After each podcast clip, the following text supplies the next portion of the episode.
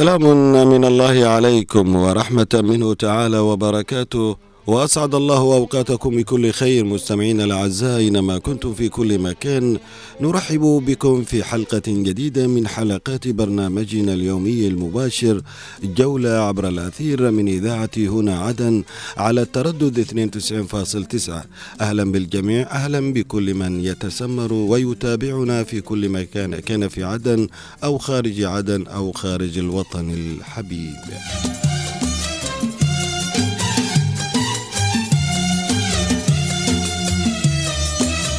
مستمعينا الكرام أينما كنتم في كل مكان ها نحن نعود إليكم مجددا في حلقة أثيرية مباشرة نتعرف من خلالها على أماكن وأغنيات وشخصيات الجنوب وأنشطة وفعاليات بلادنا الحبيب بالحب نلتقيكم دائما مستمعينا الكرام واليوم نرحل سويا إلى واحدة من محافظاتنا الجنوبية ونتعرف كذلك على واحدة من المديريات التاريخية التي قدمت الكثير من النضال والفداء.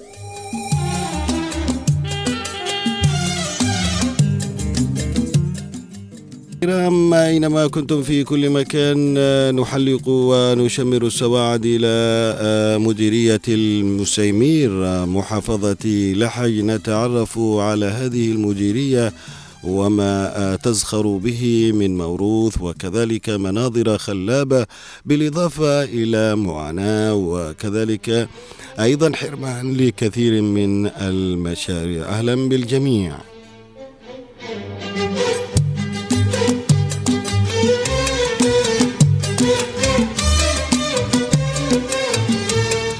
كما نتعرف مستمعينا الكرام على شخصيات فنية وأدبية وأيضا شخصيات قدمت الكثير في النضال وأيضا الكفاح من شخصياتنا الكثير لربما سوف اليوم نعرج عليها في فقرة لوينك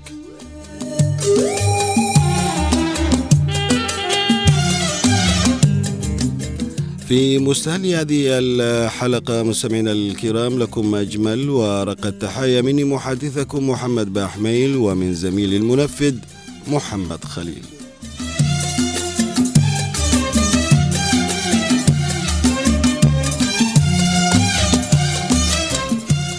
هيا بنا مستمعينا الكرام نبدأ أول المشوار ونتعرف على المسيمير وما تكتنزه من مناظر طبيعيه وكذلك يعني نضال قدمته هذه المديرية فاهلا بكم مستمعينا الكرام وخلونا نتعرف عليها بشكل تفصيلي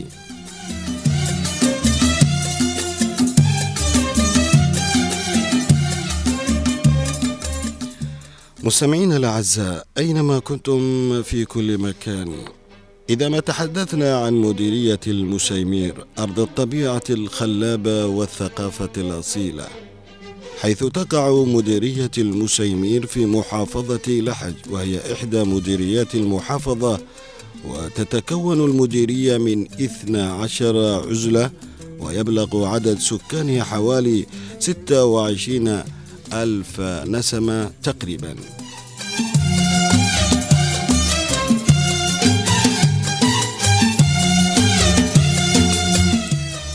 تتميز مديرية المسيمير بطبيعتها الخلابة حيث تقع في منطقة غنية بالغابات والمستنقعات والشواطئ كما تتميز بتنوعها الثقافي حيث يعيش فيها العديد من القبائل العربية.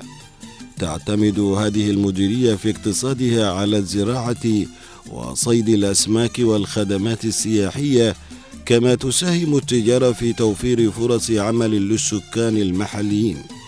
تتمتع هذه المديرية ببنية تحتية جيدة نسبيا حيث تتوفر فيها شبكة طرق جيدة وخدمات صحية وتعليمية متطورة.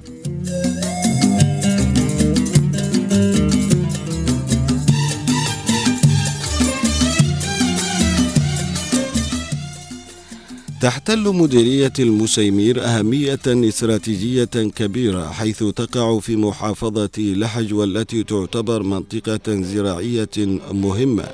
يتوقع أن تلعب مديرية المسيمير دورا مهما في التنمية الاقتصادية والاجتماعية في بلادنا مستقبلا حيث تتمتع بالعديد من المقومات التي تجعلها منطقة جاذبة للاستثمارات ثم موقعها الجغرافي المتميز وتنوعها الطبيعي والثقافي.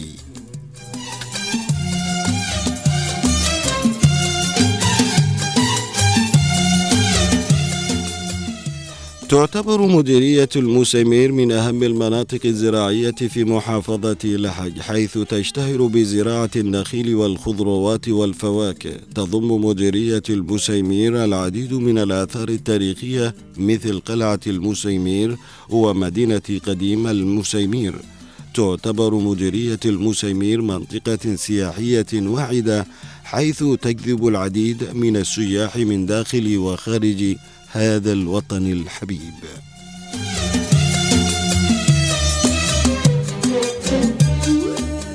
إذا تحدثنا مستمعينا الكرام عن قلعة المسيمير هي قلعة تاريخية تقع في وسط مدينة المسيمير وهي من أشهر المناطق أو المعالم في المديرية.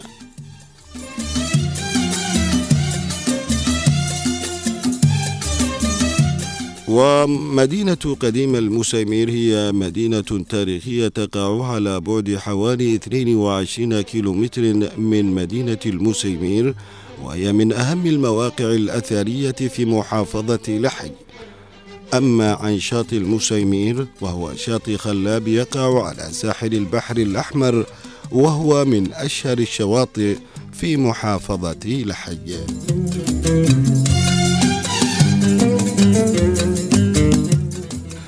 في المسيمير مستمعينا الكرام سوق شعبي يقع في وسط مدينة المسيمير وهو من أشهر الأسواق في محافظة لحج وأيضا هذه المديرية تواجه الكثير من التحديات. الحرب الأهلية التي أدت إلى تدمير البنية التحتية في المديرية ونزوح السكان وزيادة الفقر. كمان تعاني الجفاف حيث تعاني الجفاف بشكل متكرر مما يؤدي إلى انخفاض الإنتاج الزراعي وزيادة الفقر كذلك. فالبطالة هي الأخرى تعاني منها مديرية المسيمير من ارتفاع معدلات البطالة مما يؤدي إلى زيادة الفقر والجريمة. وهناك الكثير ممن وضع الحلول والمقترحات للخروج من التحديات التي تمر بها هذه المديرية.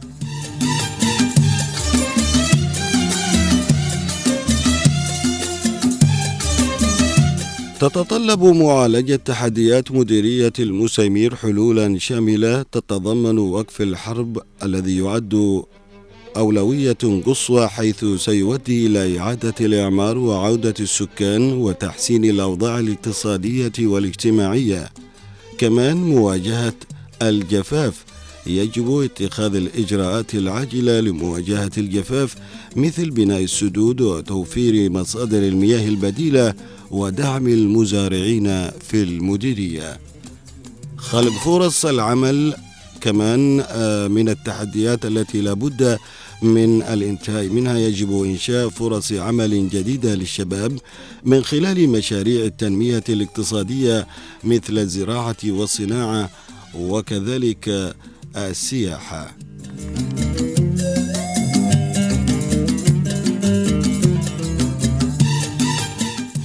مستمعينا الكرام مهما تكلمنا عن المسيمير فإنها من المديريات التي تعد رمز للصمود في زمن التحدي والمواجهات فهي مدينة الصمود والتحدي. كما وصفها الصحفي والإعلامي المعروف محبوب علي في 72 أثناء زيارتي لها آنذاك بعيدا عن المناكفات السياسية والمتمرد والمتمرتس خلف ملذات الذات نتطرق مستمعينا الكرام إلى معاناة من المعاناة التي تعانيها هذه المديرية حيث تعاني آه، المديرية في كثير من آه، الأوقات من تردي الأوضاع وغياب الخدمات العامة وصارت المعاناة فيها طويلة الأمد. فمنذ انطلاق الثورة وسقوط السلطنة الحوشبية على يد الثوار من الجبهتين القومية والتحرير مرورا بمرحلة ما بعد الثورة أبان حكم الحزب الاشتراكي اليمني ثم مرحلة إعلان الوحدة المشؤومة. وما بعد آه، حرب صيف 94 وتحديدا في عهد نظام صالح وصولا إلى عام 2015 واجتياح ميليشيات الحوثي وصالح أرض الجنوب وتحرير مناطق الجنوب ومنها مديرية المسيمير الحواشب طوال تلك السنوات الماضية وإلى يومنا هذا كما يقولون الكثير من المواطنين وكذلك الصحفيون. ومرورا بتلك المراحل وتحولات الأحداث لم تشهد مديرية المسامير أي تطور آه، يواكب دورها ورصيدها النضالي. فالأنين والمعاناة والحرمان ونقص الخدمات مستمر. ولا يسعنا مستمعينا الكرام الحديث آه، في آه، هكذا حلقة للحديث عن معاناة كثيرة تعانيها هذه المديرية وساكنوها الطيبين.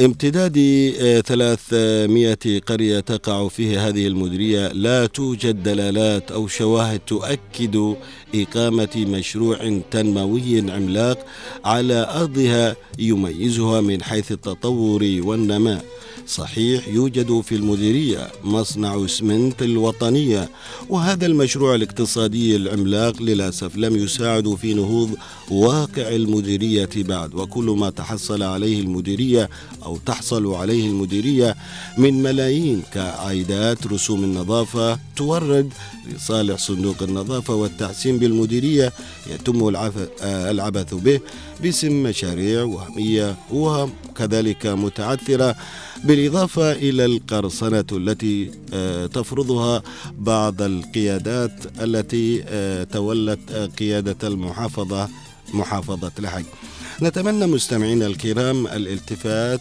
إلى آه، واحدة من المديريات التاريخية التي قدمت رصيدا كبير من النضال والتصدي لكل المحاولات والهجوم الذي أضر بها آه، إلا أنها صامدة ولكن أنين المواطن يعاني الكثير والكثير.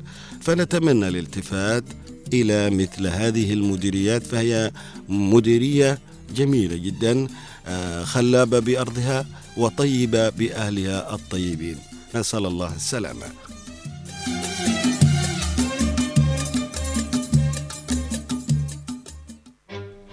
مستمعينا الكرام أينما كنتم في كل مكان ما زلنا معكم نتواصل في جولة عبر الأثير وما زلنا أيضا نواصل فقراتنا المتنوعة. دعونا الآن مستمعينا الكرام نقف مع أغنية وفنان نقف مع واحد من الفنانين الذين أثروا الساحة الفنية بالكثير من الأغاني والأعمال الفنية. فنان توفي في 2008 ولكن ما زالت آثاره باقية وأعماله الفنية موجودة. نذهب وإياكم مستمعينا الكرام إلى الفنان الراحل مهدي درويش.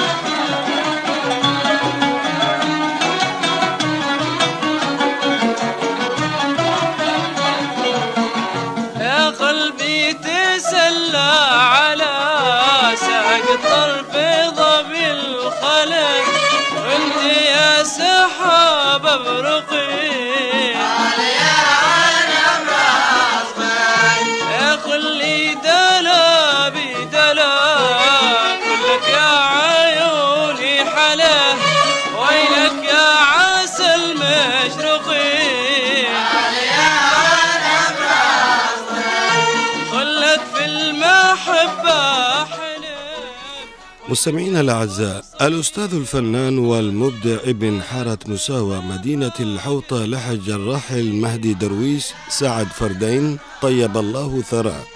ولد ولد عام 1944 درس في المدرسة المحسنية العبدلية ونهل من معارفها وشارك في أنشطتها وفعالياتها التي زخرت بها هذه المدرسة في مختلف المجالات.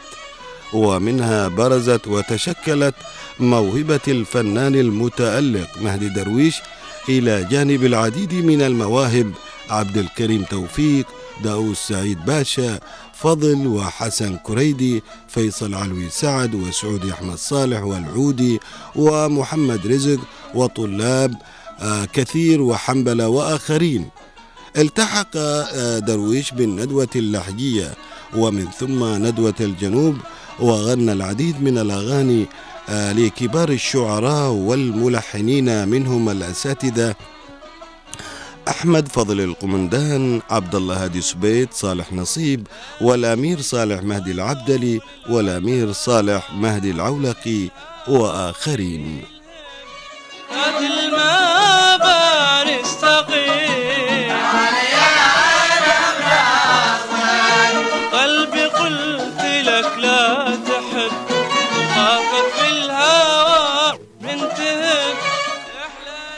من أبرز الأغاني الجميلة والخالدة التي تغنى بها الفنان مهدي درويش اللي تركت الدمع حالي وعنب رازقي يذكرني القمر خدة حالتي ترحم ليتني وحبيبي غزلان في الوادي. كما غنى معظم أغاني باني نهضة لحج وأمير الفن والأدب والثقافة في لحج والجنوب أحمد فضل القمندان في المسلسل الرمضاني الشهير عن حياة القمندان الذي أعده لإذاعة عدن الأديب والشاعر الكبير عبد الله هادي سبيت في السبعينيات من القرن الماضي.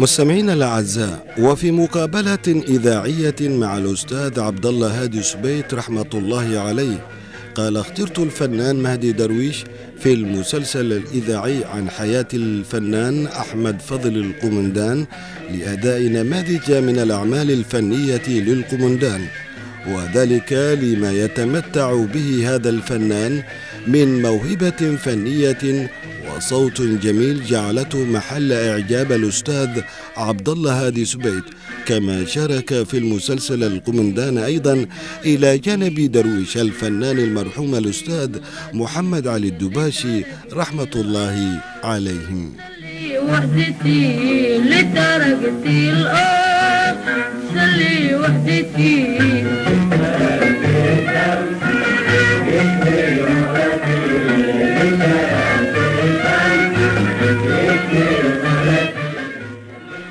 شارك الفنان مهدي درويش في العديد من المهرجانات والاحتفالات الفنية في محافظة لحج وعدن وأبين ومعظم مدن ومناطق بلادنا من الروائع الغنائية التي تغنى بها الفنان مهدي درويش يقولوا لي للهوى قسمة. نقطف منها هذه الأبيات الجميلة والرائعة. يقول للهوى قسمة. متى كان الهوى مقسوم؟ يقضي العمر في نعمة وأنا اللي في الهوى مظلوم.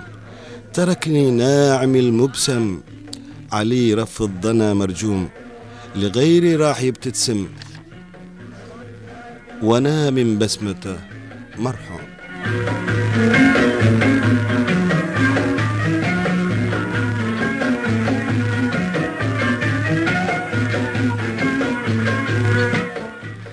غنى العديد من القصائد أيضا الغنائية الرائعة والخالدة.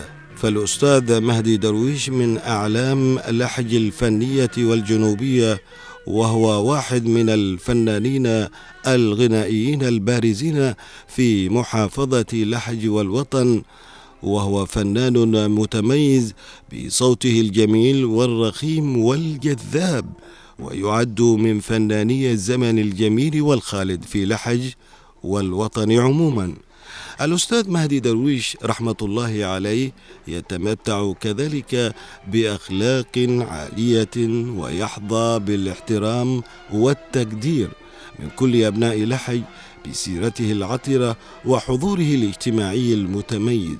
وكان واحد من الكوادر الصحية الكفوة حيث عمل كفني مختبر في مستشفى لحج وفي مكتب الخدمات الصحية. الأستاذ مهدي درويش واحد من القامات الثقافية والفنية والإبداعية التي تركت أثرا طيبا وعلامة بارزة في ذاكرة الفن اللحجي الأصيل والجميل. توفي الفنان الأستاذ مهدي درويش في عام 2008 رحمة الله عليه.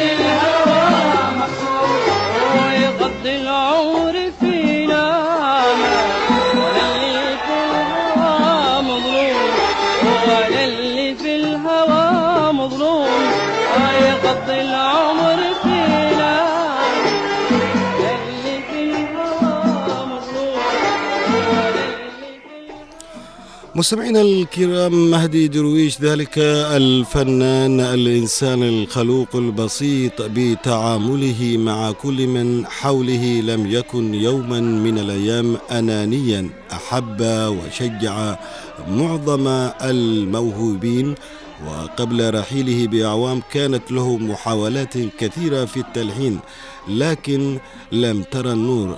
تم توثيق سيرته ومشواره وأعماله الفنية والعملية ضمن إحدى الفعاليات التي نظمها اتحاد الأدباء والكتاب بمحافظة لحج قبل رحيله بعامين. عند رئاسة الأستاذ علي القاضي رحمة الله عليه ولم يكتب لهذه الأعمال أن ترى النور. فالفنان الراحل مهدي درويش أحد الكوادر مثل ما ذكرنا الطبية منذ نعومة أظافره فهو آه، عمل آه، في مستشفى لحج الطبي وقدم عصارة معظم الندوات الفنية منذ الخمسينيات. متزوج ولديه العديد من الأبناء. ربنا يرحمه ويغفر له.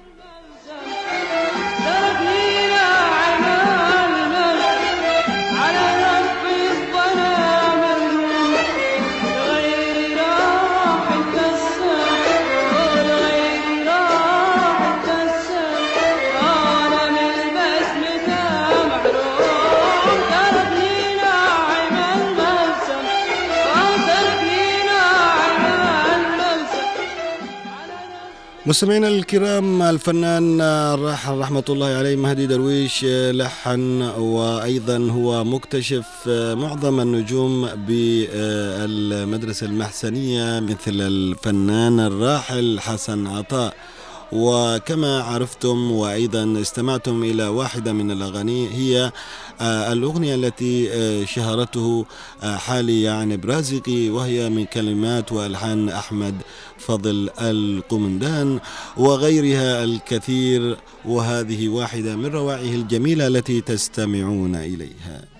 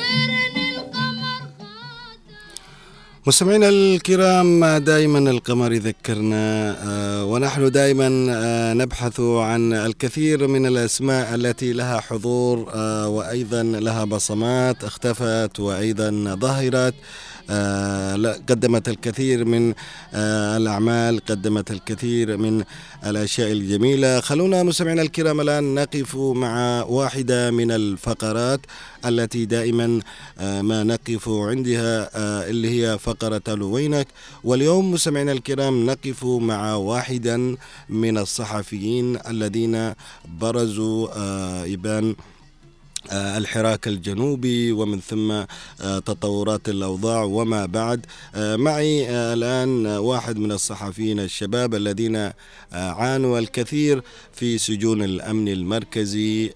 نتعرف على قصصه كيف كان يتعاملون معه عندما كان معتقلا. الصحفي المعروف أياد غانم أهلا ومرحبا بك. ألو السلام عليكم. هلا وعليكم السلام ورحمة الله وبركاته. حياك الله. أستاذ أياد غانم أنت واحد من الصحفيين آه الذين آه برزوا وأيضا قدموا تضحيات آه زج بك فترات من الزمن في سجون الأمن المركزي عندما اندلعت شرارة الحراك الجنوبي بعد ذلك كنت موجود. كيف لك أن آه، تعطينا أولا آه، قبل ذلك خلينا نقول ألو وينك يعني؟ أنت فينك؟ حياكم الله. أولا بداية أشكرك وأشكر إذاعة هنا عدن هذه على هذه الاستضافة. وبالنسبة لنا نحن موجودين طبعا في لاحق. نعم. نعم نعم موجودين في لاحق في لاحق آه، الخضيرة، لاحق الصمود، لاحق الوفاء للأهداف والمبادئ والمكاسب الوطنية الجنوبيه. نعم يا سلام عليك يا أستاذ إياد. أستاذ إياد دعنا آه، بداية آه، نتعرف على شخصكم الكريم من هو إياد غانم؟ نعم نعم تفضل. ألو أيوه نعم أنا أسمعك يعني. أيوه أقول لك نحن في لاحق موجودين وبالنسبة للتعريف اياد غانم طبعا نحن آه، صحفي جنوبي وناشط سياسي جنوبي ونعمل في حقل الإعلام الجنوبي وكذلك الآن عضو جمعية وطنية للمجلس الانتقالي الجنوبي. وبالنسبة لما تكلمت عنه في السابق عن الاعتقالات ومع الاعتقالات طبعا الاعتقالات والمحطات كثيرة التي مرينا بها. نعم. طيب أستاذ أياد يعني آه، ما هي الدوافع خلينا نقول لك الدوافع التي جعلتك اولا تمتهن الإعلام تخصصا آه، ولم تتخصص مجال آخر؟ الإعلام طبعا أخذت أنا جانب الإعلام كهواية. م. هواية طبعا وبدأت مشواري طبعا كمراسل صحيفة الأيام وأيضا كمساهم في صحيفة الطريق. ومتعاون أيضا مع قناة عدن لايف. آه إبان انطلاق آه مسيرة الحراك الجنوبي في تغطية فعاليات الحراك الجنوبي في مديرية كرش. نعم. وكذلك بعدين بدأت أيضا في آه تأسيس طبعا بدأنا نحن ونخبة من الإعلاميين بتأسيس صحيفة الجنوبية وكنت رئيس تحريرها. نعم. ومن ثم فتحت مشروع خاص طبعا بي واللي هو مشروع وطني بافتتاح صحيفة الجنوب وطني التي أيضا كنت أنا رئيس تحريرها والتي سخرتها لصالح خدمة أنشطة الثورة الجنوبية. نعم. آه، آه، طيب آه، كيف كنتم تغطون هذه الأحداث وثورات الحراك الجنوبي؟ هل بطرق ربما لا يعرفها قوات الأمن المركزي؟ أو كيف يصطادكم في تلك الفترة الأمن المركزي؟ هل عن طبعا تحريات أو بعض الأشخاص يعطونهم معلومات مثلا؟ نعم يا أخي طبعا آه، معروف آه، يعني لو تحدث عن آه، مراحل اعتقالات طبعا اعتقالات عدة اللي تعرضنا لها. وكانت البداية طبعا أول اعتقال تعرضنا له عندما كنا في طبعا مسيرة الحراك الجنوبي طبعا في القطاع الطلابي في جامعة عدن نعم. وكانت هناك طبعا فعاليات تضامنية مع المعتقلين السياسيين والصحفيين الذين كانوا في زنازين سلطات الاحتلال اليمني في صنعاء. نعم. وكانت هناك لنا فعاليات تضامنية وتنطلق من فعالي من يعني في إطار كليات جامعة عدن أيوه. والبداية كانت طبعا من أول اعتقال برفقه الزميل وفي العريني من أمام بوابة كلية التربية صدر آه، عدن. عدن نعم. أيوه بعد مم. تنفيذ طبعا فعالية في الكلية في عام 2008 وفي يعني خصوص في تاريخ 4 7 2008 نعم. وتم طبعا أخذنا إلى السجن ال- سجن البحث الجنائي في خور مكسر. وتحقيق معنا ومصادره بطائقنا الجامعية. وكان هناك طبعا بعدين تدخلات طبعا من قبل الأخ مراد الحالمي اللي هو الآن آه، يعني في الهيئة الاقتصادية رئيس الهيئة الاقتصادية لمجلس الانتقال الجنوبي.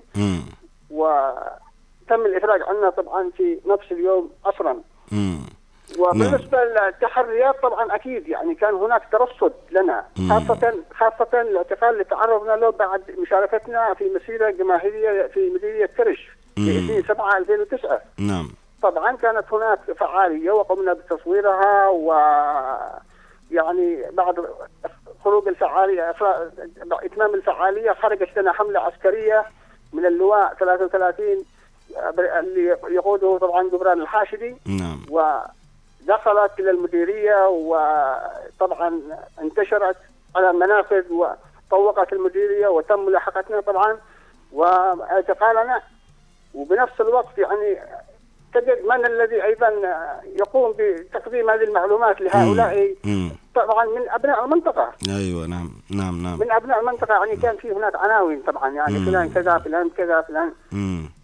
نعم. أيوة. آه طيب آه كيف تم التعامل معكم آه في سجون الأمن المركزي عندما يزج آه بكم؟ آه، كيف آه يتم التعامل معكم؟ ما هي التهم التي آه كانت تلقي آه عليكم؟ هل آه تهم جنائية أو آه لماذا أنتم خرجتم؟ كذا يعني؟ أخي بالنسبة لل- للاعتقال كان اعتقالات سياسية لنا. كان مم. اعتقالات سياسية. إيش كان يقولوه لكم؟ إيش كان في التحقيقات يقولوا لكم يعني كذا؟ التحقيقات يعني كله لماذا تشارك في فعالية يرفع فيها علم الجنوب؟ آه. يعني هكذا. لماذا؟ يعني وحتى تصور إن الاعتقال في كرش والأسئلة يعني مرتبطين حتى إيش بنشاطنا في جامعة عدن. آه. يقول لك انت يقول لك أنت تدرس في كلية الآداب. أنت خرجت في مسيرة كذا. أنت سبق أن اعتقلت. أنت سبقت ان يعني يعطيك معلومات في عدن. والاعتقال دخل كرش والتحقيق دخل كرش. وتوقع يعني انه حتى الذي يحقق معك مش مش الأمن فقط. آه. يحقق معك رئيس رئيس الحملة العسكرية اللي خرجت لداخل كرش. هو بنفسه يحقق معك. الاستخبارات حق اللواء يحقق معك. الأمن القومي يحقق معك الأمن السياسي يعني خمس جهات اللي تحقق معك وكل شيء طبعا موثق في ملف التحقيق مم. اللي هو مع المحامي آه، خالد علي ناصر والمحامي عارف الحلمي الذين طبعا بذلوا قصارى جهودهم في الترافع عنا والدفاع عنا في كافة جلسات المحاكمة مم. فبالنسبة لل الاعتقال يعني السجن يعني لما يكون واحد معتقل عد يقولوا إيش؟ حتقولش اللي داخل السجن تقول له كيف حالك أو كيف الاوضاع هناك. مم. معروف يعني من يدخل في زنازين سلطات الاحتلال كيف يتعاملوا معه. يعني حتى كانت الممارسات قوية ضدكم تمارس داخل السجون يعني؟ نعم ضرب وشتم وما إلى ذلك. حتى الزياره منعت عنا نعم. نعم والتهمة طبعا أنت تصور أنه يعني يبني لك قاضي المحكمة يعني تهمة وفقا لتحقيقات الأمن السياسي والأمن القومي والاستخبارات اللواء ورئيس الحملة العسكرية يعني حتى النيابه النيابة ما حققت معي كيف. تحكم حكم سياسي يعني بالسجن سنة ونص مع النفاذ. حكم سياسي يعني, يعني أنت حكم عليك سي سي سي سنة ونص مع سنة ونص. مع أيوه سنة ونص مع النفاذ طبعا وهي الفترة اللي كنت أنا فيها مم. سنه سنة ثالثة في جامعة عدن مم. الحكم طبعا هذا هو الحكم الذي قضى على عامين دراسيين طبعا من حياتنا الجامعية والتهمة هي المساس بالوحدة الوطنية وتكدير الأمن العام وإثارة المناطقية بين أبناء الوطن الواحد مم. يعني إيش من تهمة يعني لا نحن سرقه آبار النفط ولا ثروات ولا خيرات الوطن ولا يعني يعني حتى حتى نسلط بهذا إن إحنا نحن ضد ثوابت وطنيه وأن نحن نمس يعني ب- ب- بتكدير الأمن العام. فاهم كيف؟ نعم يعني نعم. طيب أستاذ أستاذ نعم أستاذ أياد يعني هل فكرتم آه، بعد هذه المواجهات وبعد هذه التحديات التي آه، خضتموها يعني أنتم كصحفيين آه، في الدفاع عن أو التغطيات للحراك الجنوبي هل فكرتم في يوم من الأيام أن الجنوب سيشهد هذه المتغيرات مثل ما نحن فيها أو أنكم ربما قد تجهلون بعض الأشياء إلى عالم مجهول. هل كنتم متوقعين أن الجنوب سيتغير مثل ما نحن الآن فيه؟ نعم يا أخي. نعم يا أخي نحن خرجنا ونحن حاملين يعني أكفاننا على أكفنا بأننا أصحاب قضية. أصحاب قضية وأصحاب حق. لا يمكن أن نتنازل عنه ولا يمكن أن يعني تأتي أي متغيرات. لأن نتراجع عن هدفنا وعن ثوابتنا الوطنية التي طبعا ضحى فيها شعبنا وناضل شعبنا منذ ما بعد 94 وحتى اللحظة. وكنا على يقين بأن الانتصار سيأتي بإرادة الشعب بثبات الشعب بصمود الشعب, بصمود الشعب والأوفياء الذين يعني قدموا مصالح يعني مصلحة الوطن ومصلحة الدفاع والانتصار للوطن. على أي مصالح أخرى.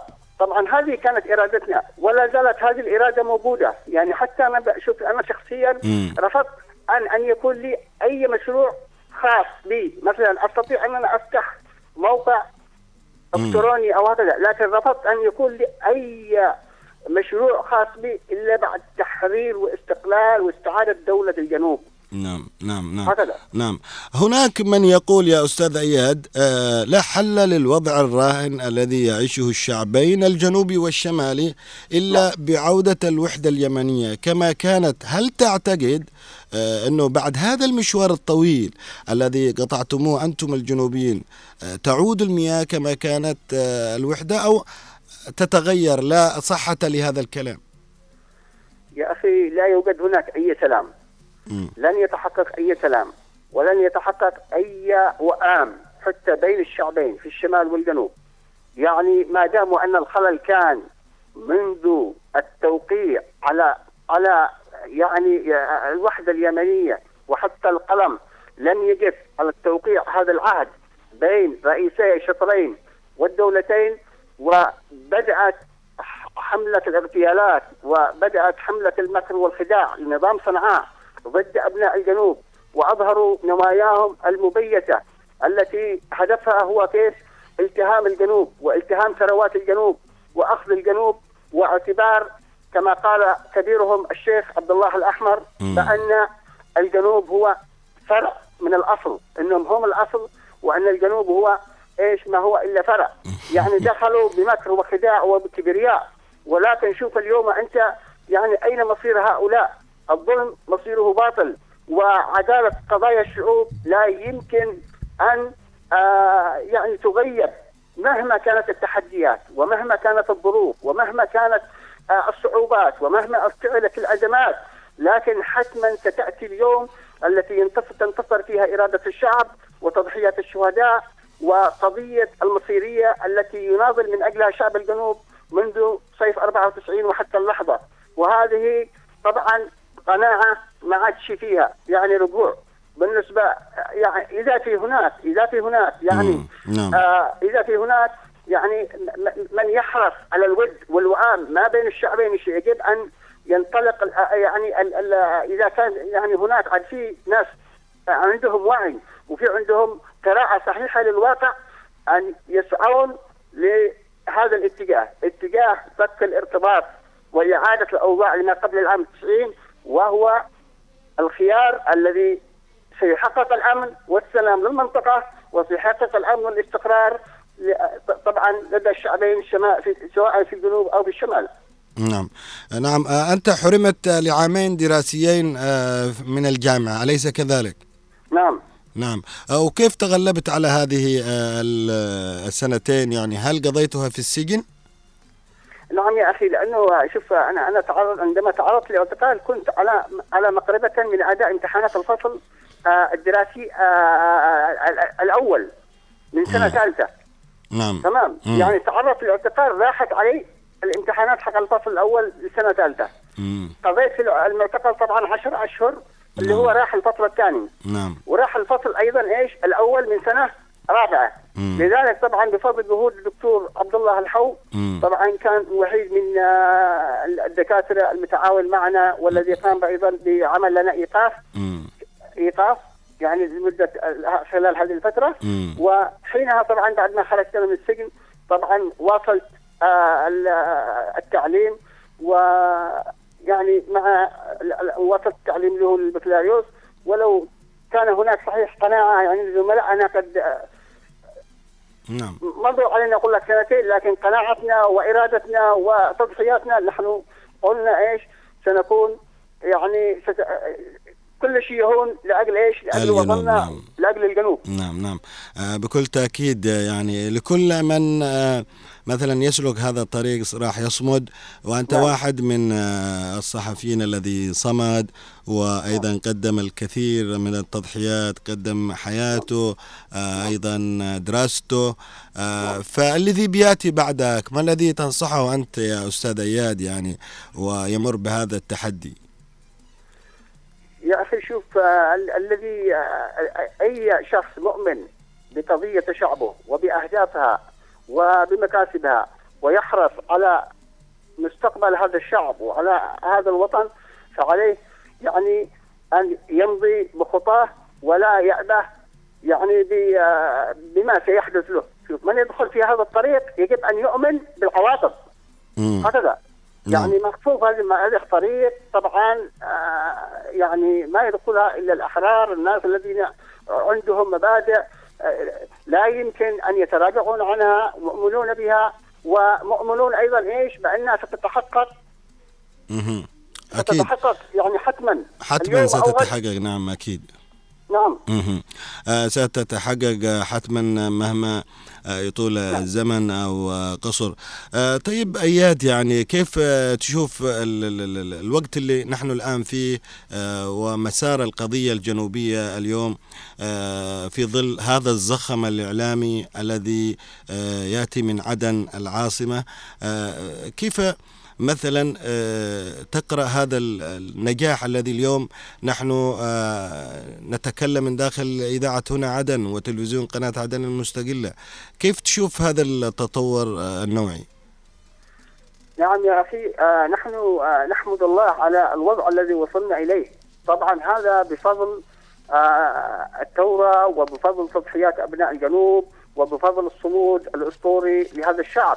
فاليوم الإعلام الجنوبي طبعا يخطو بخطوات ثابتة ويحقق مكاسب وطنية ويخوض معارك وصراعات فريدة مع إعلام يمتلك الإمكانيات ويمتلك ال- كل ال- آه، يعني الطرق والوسائل وطبعا حتى عنده خبرة في كيفية المكر والخداع وتكييف الإشاعات ولكن أمام هذا كله فقد آه، فشل الإعلام المضاد أمام الإعلام الجنوبي، يعني الإعلام الجنوبي اليوم بات يشكل آه، يعني آه، خطوة متقدمة ويخطو بخطوات يعني متناسبة مع الخطوات التي يخطوها المجلس الانتقالي الجنوبي محققا فيها المكاسب الوطنية والسياسية في مختلف المجالات. وذاك اليوم طبعا الإعلام الجنوبي يخوض معارك يخوض نعم. معارك فريدة في آه، على مستوى آه، الداخلي وعلى مستوى طبعا آه، الظروف التي تواجه أيضا حتى الواقع المعاش على مستوى الوطن الجنوبي نعم في الحقيقة نحن نشكرك جزيل الشكر الأستاذ العزيز أياد غانم الصحفي الذي يعني تصدى لكل آه، المكر وكل الاعتقالات التي ارتكبت ضد أيبان الحراك الجنوبي عندما كان يزج في آه، السجن الأمن المركزي. ولكن آه، صبر ونال هذا الإشادة. أنا بشكرك الحقيقة أنك منحتني هذا الوقت. كلمتك الأخيرة يا أستاذ أياد. حياكم الله. وطبعا كلمتي الأخيرة هو أننا نؤكد نؤكد دائما وأبدا بأن إرادة الشعوب لا يمكن أن تقهر وأنه بالصبر علينا بالصبر علينا بالثبات علينا آه، نت- أن نتعلم أننا فين كنا واليوم أين نحن. نعم. فبالإرادة والصبر والصمود والثبات والقناعة التي لا يمكن أن تتدحلح ولا يمكن أن تتراجع فلنخطو خطوات سنخطو خطوات ثابتة حتى نحقق ما نصبو إليه وما يصبو إليه شعبنا وندعو الكل إلى إيش؟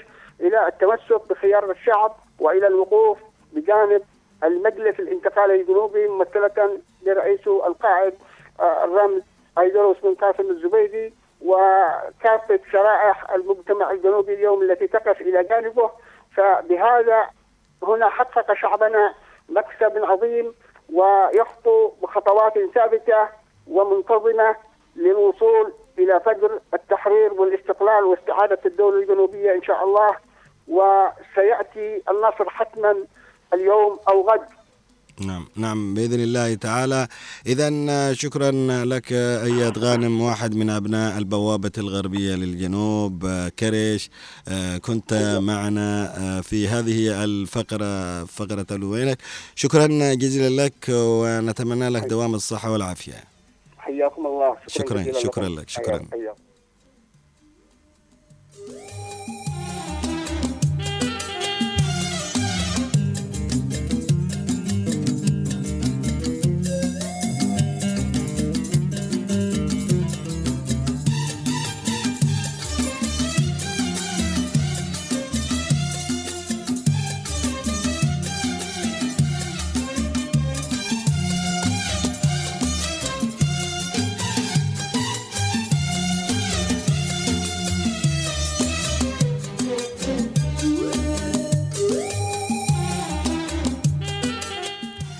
مستمعينا الكرام ما زلنا معكم نتواصل في جولة عبر الأثير من إذاعة هنا عدن. كنا معكم في حديث مع الصحفي الأستاذ إياد غانم في هذه الفقرة. تحدثنا فيها عن مشواره الصحفي وأيضا ما تعرض له من تعذيب في سجون الأمن المركزي آنذاك. لكن كل هذا التصدي وكل هذا الكفاح طبعا نتج عن اليوم متغيرات يسير على طريقها المجلس الانتقالي الجنوبي. فشكرا لكل الذين قدموا قصارى جهد ما كان في الجانب العسكري الجانب الصحفي والإعلامي. كل كان مساهما في تلك الفترات العصيبة. واليوم نحن نعيش متغيرات تجرنا إلى تحقيق ما نحن كنا نسعى له وما كنا نتمنى. المشرقين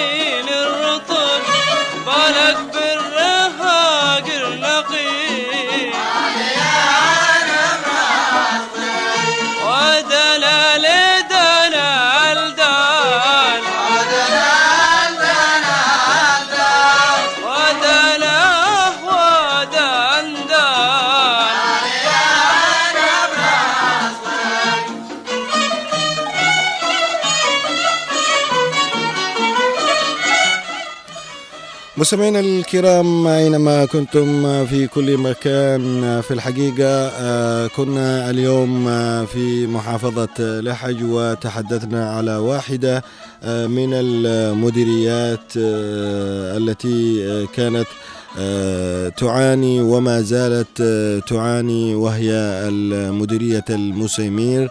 هذه المديرية التي وصفها أحد الزملاء الصحفيين أحمد مطرف بأنها رمز الصمود في زمن التحدي والمواجهة مدينة الصمود والتصدي كما وصفها الصحفي والإعلامي محبوب علي. طبعا هذه المديرية ذكرنا وأسلفنا وتحدثنا أيضا بأنها تعاني الحرمان التي ظلت ولا زالت تعاني منه تردي الأوضاع غياب الخدمات وصارت المعاناة فيها طويلة الأمد. فمنذ يعني زمن بعيد وهي تعاني ولا يسعنا مستمعينا الكرام مثل ما ذكرنا الخوض في الأحداث التي مرت بها هذه المديرية سياسيا وعسكريا. والكثير عاصرها من الشباب ومن كبار السن. واليوم نحن الحقيقة نتمنى الالتفاف إلى مثل هذه المديريات. عندما نتحدث في فقرة يعني مدن وأماكن ونتحدث على مثلا مدينة أو معلم أو أي شيء كان ليس فقط لمثلا التطرق وإنما أيضا السماع من قبل السلطات الحكومية والمحلية بأن تلتفت إلى هذه الأماكن والمعالم التي بنتطرق إليها وأيضا بنتحدث فيها. لذلك يعني نحن كإعلام يجب على كل من يسمعنا وكل من أيضا يستمع إلى برامجنا وأيضا إلى هذه الفقرات أن تكون بنص عيني هذه الأشياء التي بنتحدث فيها وبنذكرها. على كل تحدثنا على واحد من الفنانين الذين قدموا يعني مسيرة فنية جميلة. وأنا هنا بشكر أيضا الأستاذ محسن كرد الذي نستفيد برضو كمان من معلوماتي وكتاباتي وله الكثير الحقيقة من الأشياء التي يقدمها لنا ونستعرضها. وهو يعتبر مرجع لأي مواد نتحدث فيها عن لحج الخضيرة. فكما هذه القامات أيضا تحتاج إلى اهتمام والتفافة والتفاتة من الجهات ذات العلاقة. طبعا وفقرة ألوينك نسلط فيها الضوء على كثير من شخصياتنا الجميلة. لذلك كل هذه الأشياء يعني نتطرق أو نطرقها لكي يسمعها الكثير ويهتم بها ويهتم بها أيضا المعنيون ويعطونها نص بعينهم. على كل المستمعين الكرام وصلنا بحضراتكم إلى نهاية حلقة اليوم من برنامج جولة عبر الأثير. نتمنى مستمعينا الكرام بأن نكون قد وفقنا في تقديم هذه الفقرات المتنوعة. حاولنا الحقيقة أن نتواصل مع زميل ناصر الطيري لنتعرف على كيف هي استعدادات أبناء المحافظة في شراء حاجيات واستعدادا للشهر الكريم. لكن ربما نعاني مثل ما ذكرنا في حلقات سابقة من التواصل في مسألة شبكة الاتصالات الرديئة. على كل هناك لربما فعاليات كثيرة ومتنوعة ربما تستمعون إليها في برامجنا الإخبارية. كان في الإذاعة هنا وحتى في نشراتنا الإخبارية عبر قناة عدن المستقل. على كل هنا في قطاع الإذاعة والتلفزيون نحن مكملين لبعض. حاولنا فقط أن نتعرف هذه الفعاليات والمناشط التي تعتمد دائما وأبدا في محافظة لحج وخاصة وأن الناس تتأهب لشراء حاجيات شهر رمضان المبارك الذي نسأل الله تعالى أن يبلغنا شهر رمضان وكذلك يجعلنا ممن يقومون لياليه ويصومون أيامه. نسأل الله تعالى العفو والعافية والعمر المديد. تحياتي محمد بأحميل تحيات زميلي المنفذ اليوم معي محمد خليل. نتمنى لكم استماع طيب وإن شاء الله نعود ونلقاكم يوم غد في محافظة أخرى من محافظتنا الجنوبية وإلى اللقاء.